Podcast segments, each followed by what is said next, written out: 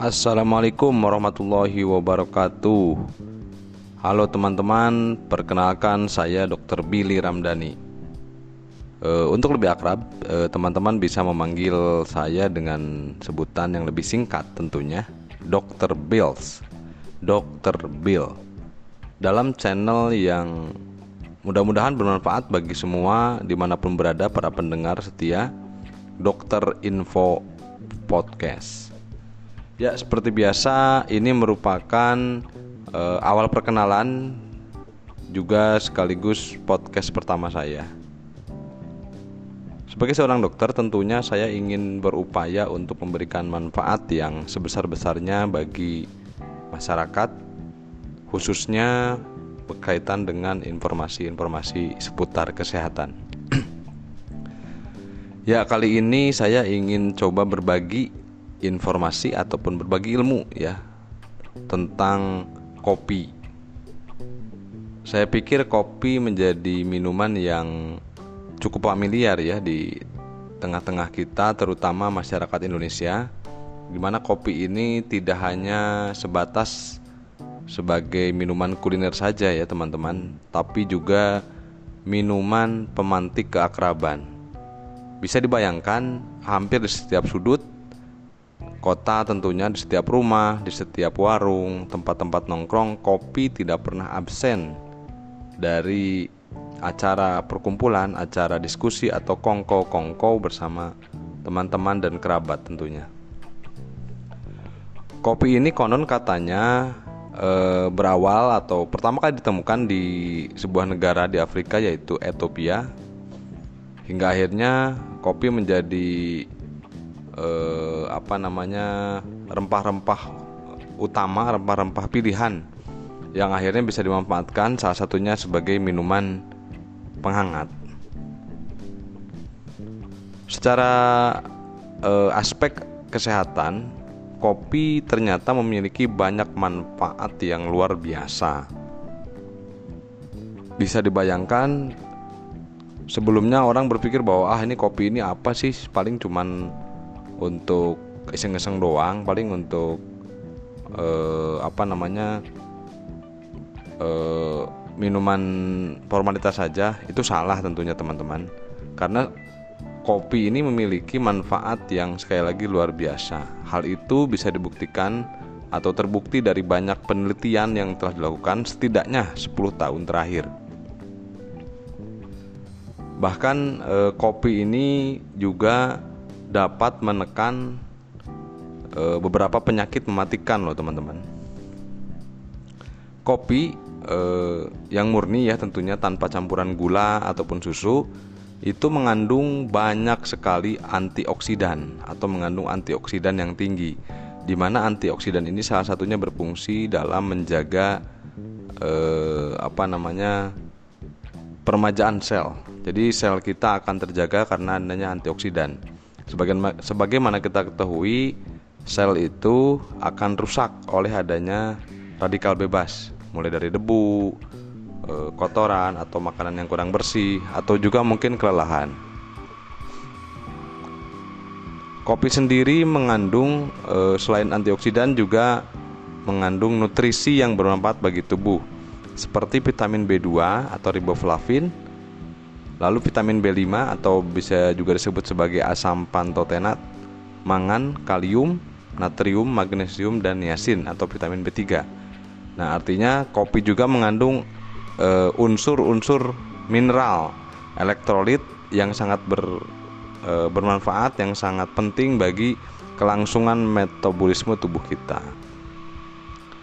Ada studi yang cukup menarik mengatakan bahwa Seseorang yang rutin minum kopi 2 sampai 3 cangkir per hari itu bisa mencegah seseorang mengalami penyakit-penyakit serius seperti diabetes tipe 2, kanker, penyakit jantung, penyakit Parkinson yang eh, apa namanya ditandai dengan tremor dan eh, apa kelambatan gerak, juga adanya gangguan fungsi hati.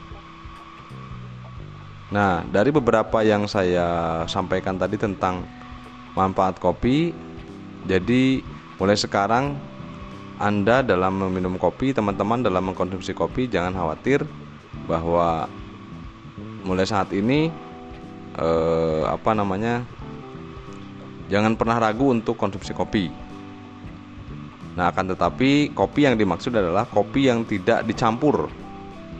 Artinya tidak banyak tambahan gula, boleh dikasih gula untuk mengurangi rasa pahit, tapi sebaiknya jangan dicampur dengan susu.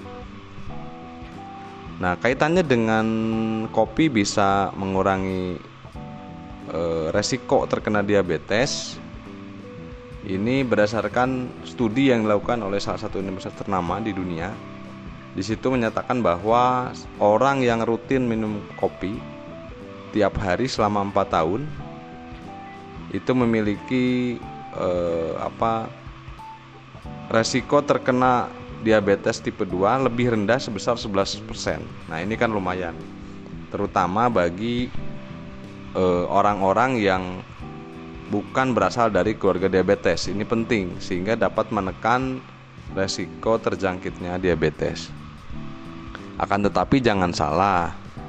E, kopi bukanlah satu-satunya yang memengaruhi seorang e, terhindar dari diabetes. Artinya begini di samping rutin minum kopi setiap hari, kalau saya rekomendasi 2 sampai 3 cangkir, teman-teman juga harus menjaga eh, ataupun memilih makanan-makanan lain.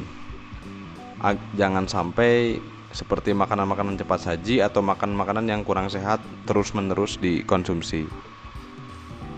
Kemudian yang kedua, eh, ada manfaat kopi yang cukup saya pikir sangat dibutuhkan oleh orang banyak, yaitu kopi juga dapat mengurangi resiko adanya depresi atau gangguan fungsi otak. Nah, ini masih penelitian juga yang dilakukan oleh salah satu kampus ternama di dunia. Di sini menyatakan bahwa kopi punya kemungkinan besar dapat mengurangi risiko depresi dan membantu menjaga kesehatan otak sehingga dapat mencegah terjadinya demensia. Demensia itu kepikunan dini dan juga menurunkan resiko stroke.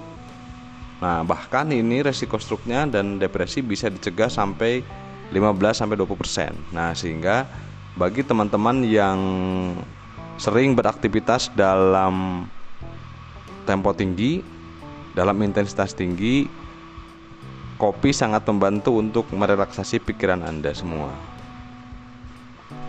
Kemudian yang kedua, yang ketiga, kopi juga dapat menurunkan resiko terjadinya gangguan ataupun penyakit hati seperti kanker ataupun sirosis pada hati.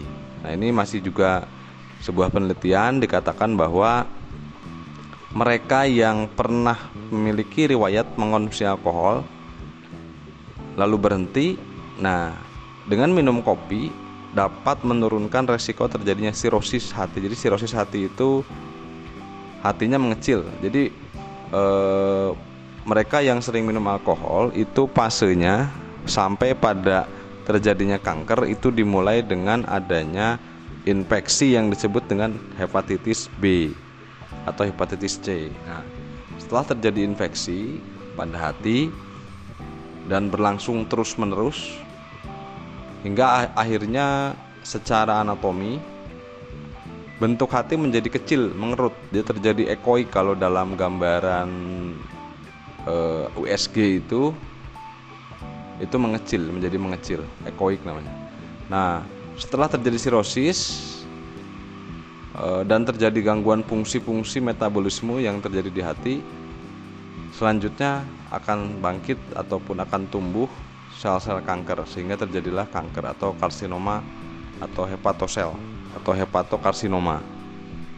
Nah, dengan minum kopi rutin 2 sampai 3 cangkir per hari dapat menurunkan resiko terjadinya sirosis pada mantan peminum alkohol bahkan sampai 20%.